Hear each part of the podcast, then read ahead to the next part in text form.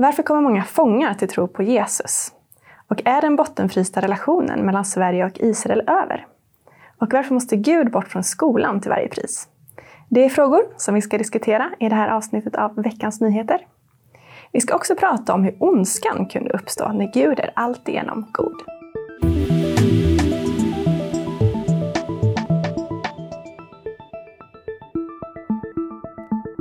Varmt välkomna till det här avsnittet av veckans nyheter med mig Sara Andersson och bibelläraren och ledarskribenten Sven Almqvist. Ja, vi ska börja med att prata om landets överfulla fängelser. Mm. En fängelsepastor som vi har pratat med berättar att behovet av pastorer och präster är väldigt stort. Mm. På Kumlaanstalten där hon jobbar så har de bara möjlighet att ha samtal med internerna ungefär en gång i månaden.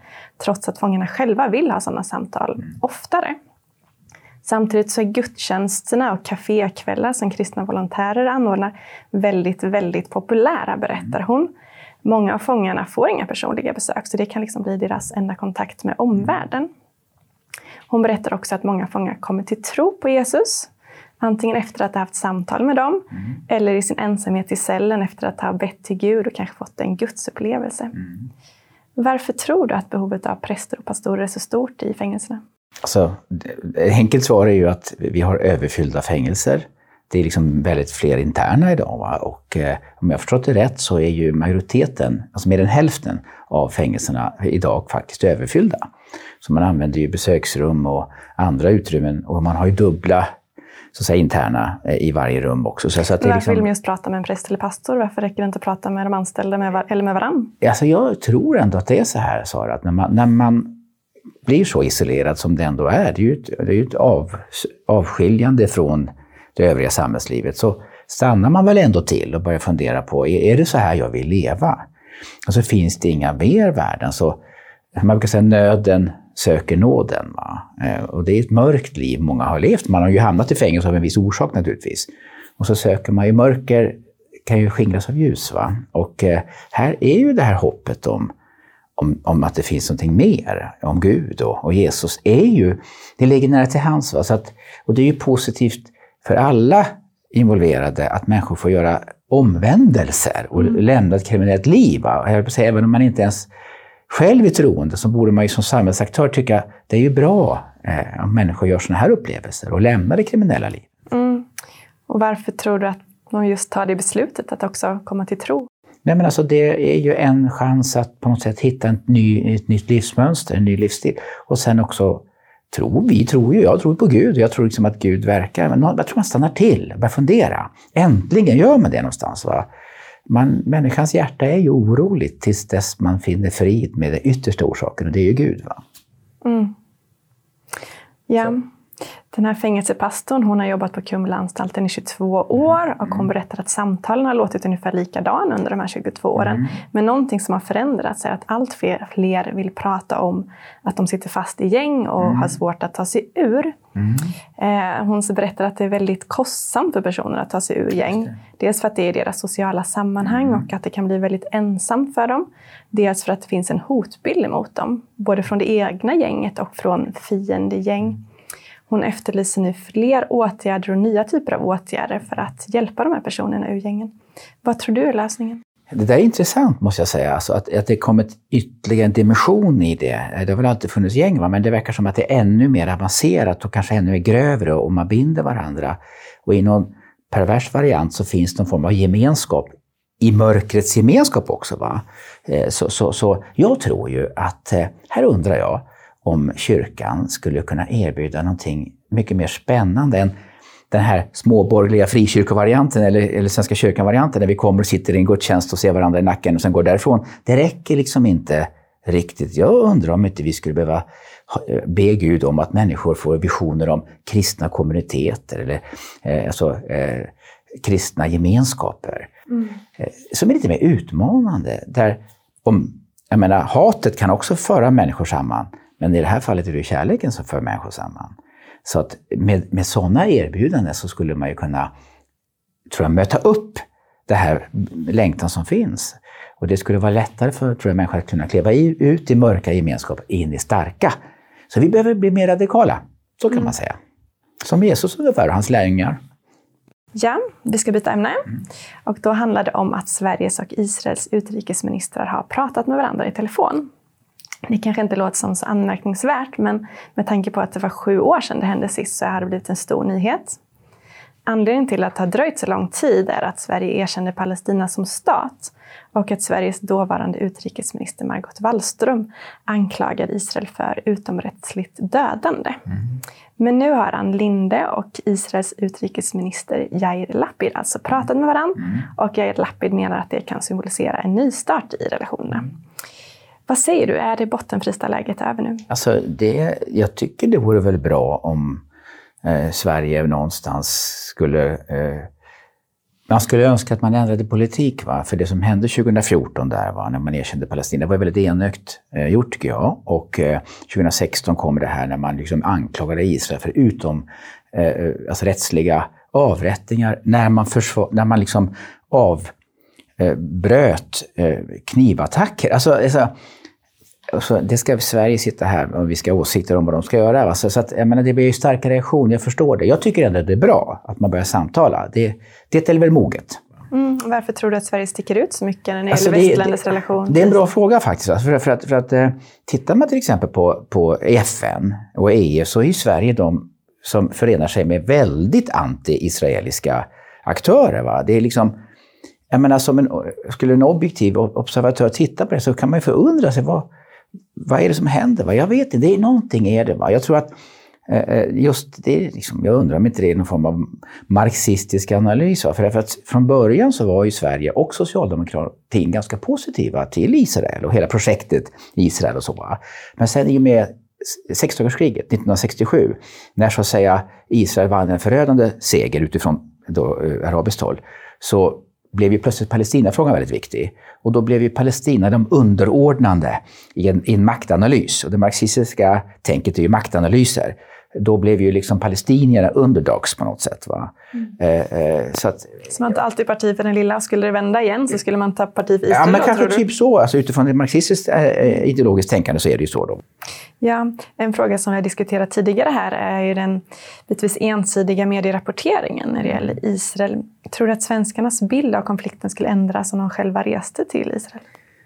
Det fanns en man som hette Lars Trädgård som skrev en bok för några år sedan som hette Är svensken en människa? Eller Är svensken en människa tror jag den hette. Alltså, vi är ju väldigt kollektivistiska på något sätt. Här. Här, här är det, vi måste ha PK-rätt, alltså politiskt korrekta uppfattningar. Och jag tror ju att det skulle vara bra om allt fler svenskar kunde resa till, till Israel till exempel och, och se ändå det fantastiskt blomstrande landet. Va? Och där pågår ju verkligen en politisk debatt och man har ju, alla partier får komma till tals. Va?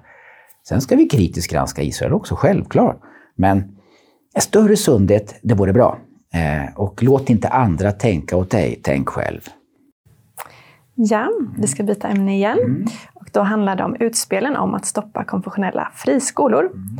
Socialdemokraterna har sagt det förut och nu när partistyrelsen presenterar sina förslag inför kongressen så säger de det igen. De vill att alla konfessionella friskolor förbjuds. Mm. Konfessionella friskolor är inte religiösa friskolor som många tror, utan de får inte ha religiösa inslag i undervisningen. Det som skiljer dem åt är att de kan ha exempelvis en kristen värdegrund mm. eller att de får ha en frivillig morgonbön exempelvis. Varför tror du att Socialdemokraterna till varje pris vill få bort de här konfessionella friskolorna? Alltså, det har ju någon form av ideologisk ideologiska skäl här. Va? Där man ju på något sätt anser att det är staten som ska vara med och ge våra barn de grundläggande värderingarna i synen på allt från universums tillkomst till manligt och kvinnligt och sexualitet. Jag vet inte, det är någonting eh, att eh, man, eh, man, man är grundläggande rädd för kanske att, att man ska påverka barnen i någonting som då man uppfattar negativt. Va? Jag tror ju, Sara, att eh, muslimska friskolor som har vuxit fram, som ibland, inte alltid kanske, men ibland har haft väldigt negativa konsekvenser och där också myndigheterna har gripit in. Man, man, vill, man vill stävja upp det, men man kan liksom inte bara gå på en viss religion, va? muslimska, utan då, då sveper man med alla i en och samma kam här. Alltså. Mm. Men ska inte skolorna vara helt neutrala då? Kan inte eleverna känna sig tvingade att gå till en morgonbön om de andra kompisarna gör det exempelvis? Ja, så, så, så, fungerar det ju inte, utan det ska ju finnas frivilliga inslag i det. Men alltså, det finns, vad är neutralt för någonting? Alltså, även, även nazistisk ideologi är ju är också en trosuppfattning egentligen. Va?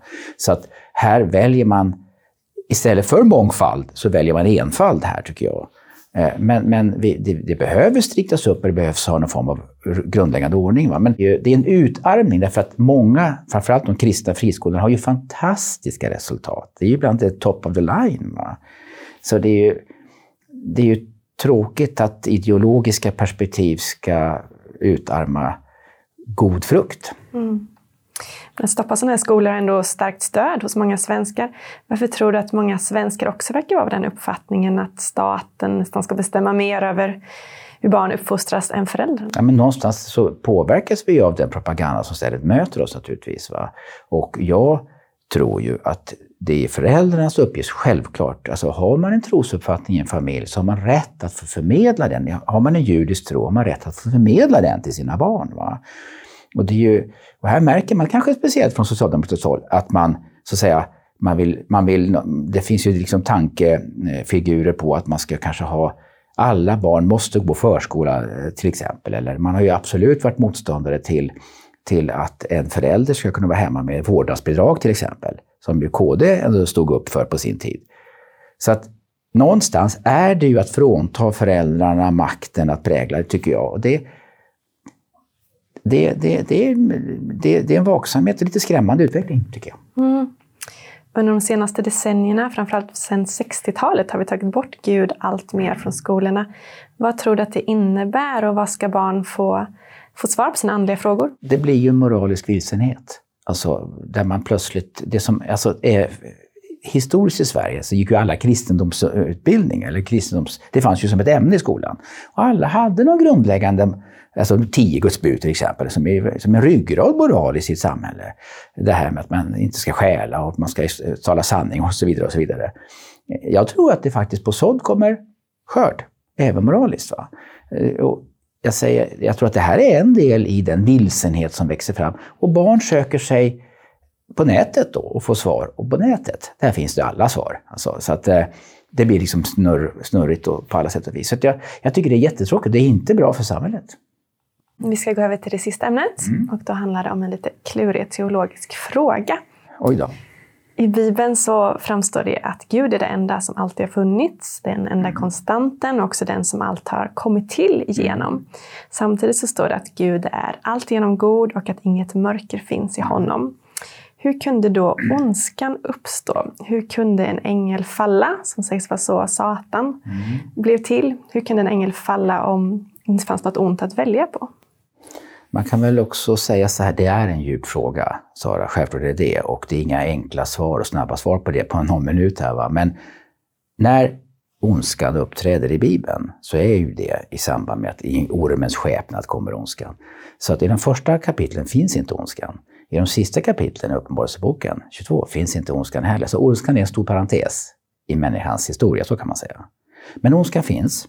Det behöver vi inte ha så speciellt stor tro för. Ondskan finns. Va? Var kommer den ifrån då?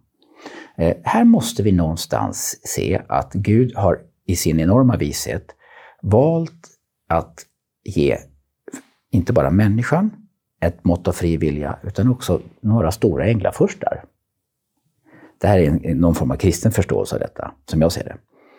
Eh, så änglarna hade någon form av valmöjlighet. Och om man ska ta Jesaja 14 eller Hesekiel 28 och så vidare mera bokstavligt så verkar det som att det fanns en väldigt stark eh, ängel, en sporkerub helt enkelt, som själv valde att vilja få egen tillbedjan. Jo, men hur kan han välja det om det bara fanns gott? Ja, men det, det, där någonstans beror det på om Gud avstår från någonting för ett djupare syfte. Kärleken kräver någon form av fri vilja. Det måste vara så. Om min fru skulle vara programmerad att älska mig, då, då, då är den kärleken inte värt så mycket. Ja, men då måste din fru ändå haft någonting annat att välja på än dig. Har det... Gud då skapat någonting annat än det goda att välja på? Ja, det fanns, de, det fanns mycket bättre att välja på än mig, Sara. Men hon valde mig därför att hon älskade mig. Och det är det som gör det så värdefullt. Va? Men hade hon inte haft någon annan att välja mellan, det hade varit, det hade varit helt Nej, men har Gud skapat det där andra som finns att välja på när det gäller frågan om ont och Ja, gott? jag vet, men man kan väl vända på steken och säga så här. När vi väljer bort Gud uppstår ondska. Han har byggt in en möjlighet Ja, till ondska, menar Ja, du? så är det. Exakt därför att eh, den fria viljan ger någonting ännu djupare och viktigare som inte annars skulle vara. För om vi vore programmerade, blommorna till exempel är programmerade till Gud, och, och, så det har ett visst värde. Men att vi har valt honom framför allt annat, det får ett mycket djupare värde. Men Gud har inte låtit ondskan vara oberörd. Titta på korset, så kan vi inte säga att han har suttit som en kallbudda och inte brytt sig om. Han har själv kommit ner och smakat lidandet. Ja, vi hinner inte diskutera den här svåra frågan mer nu. så Det var jag glad för. Tack så mycket Sven. Tack. Och tack till er som har tittat. Roligt att ni ville vara med oss. Har ni förslag på ämnen som ni tycker att vi ska ta upp får ni gärna mejla oss. Ha det bra!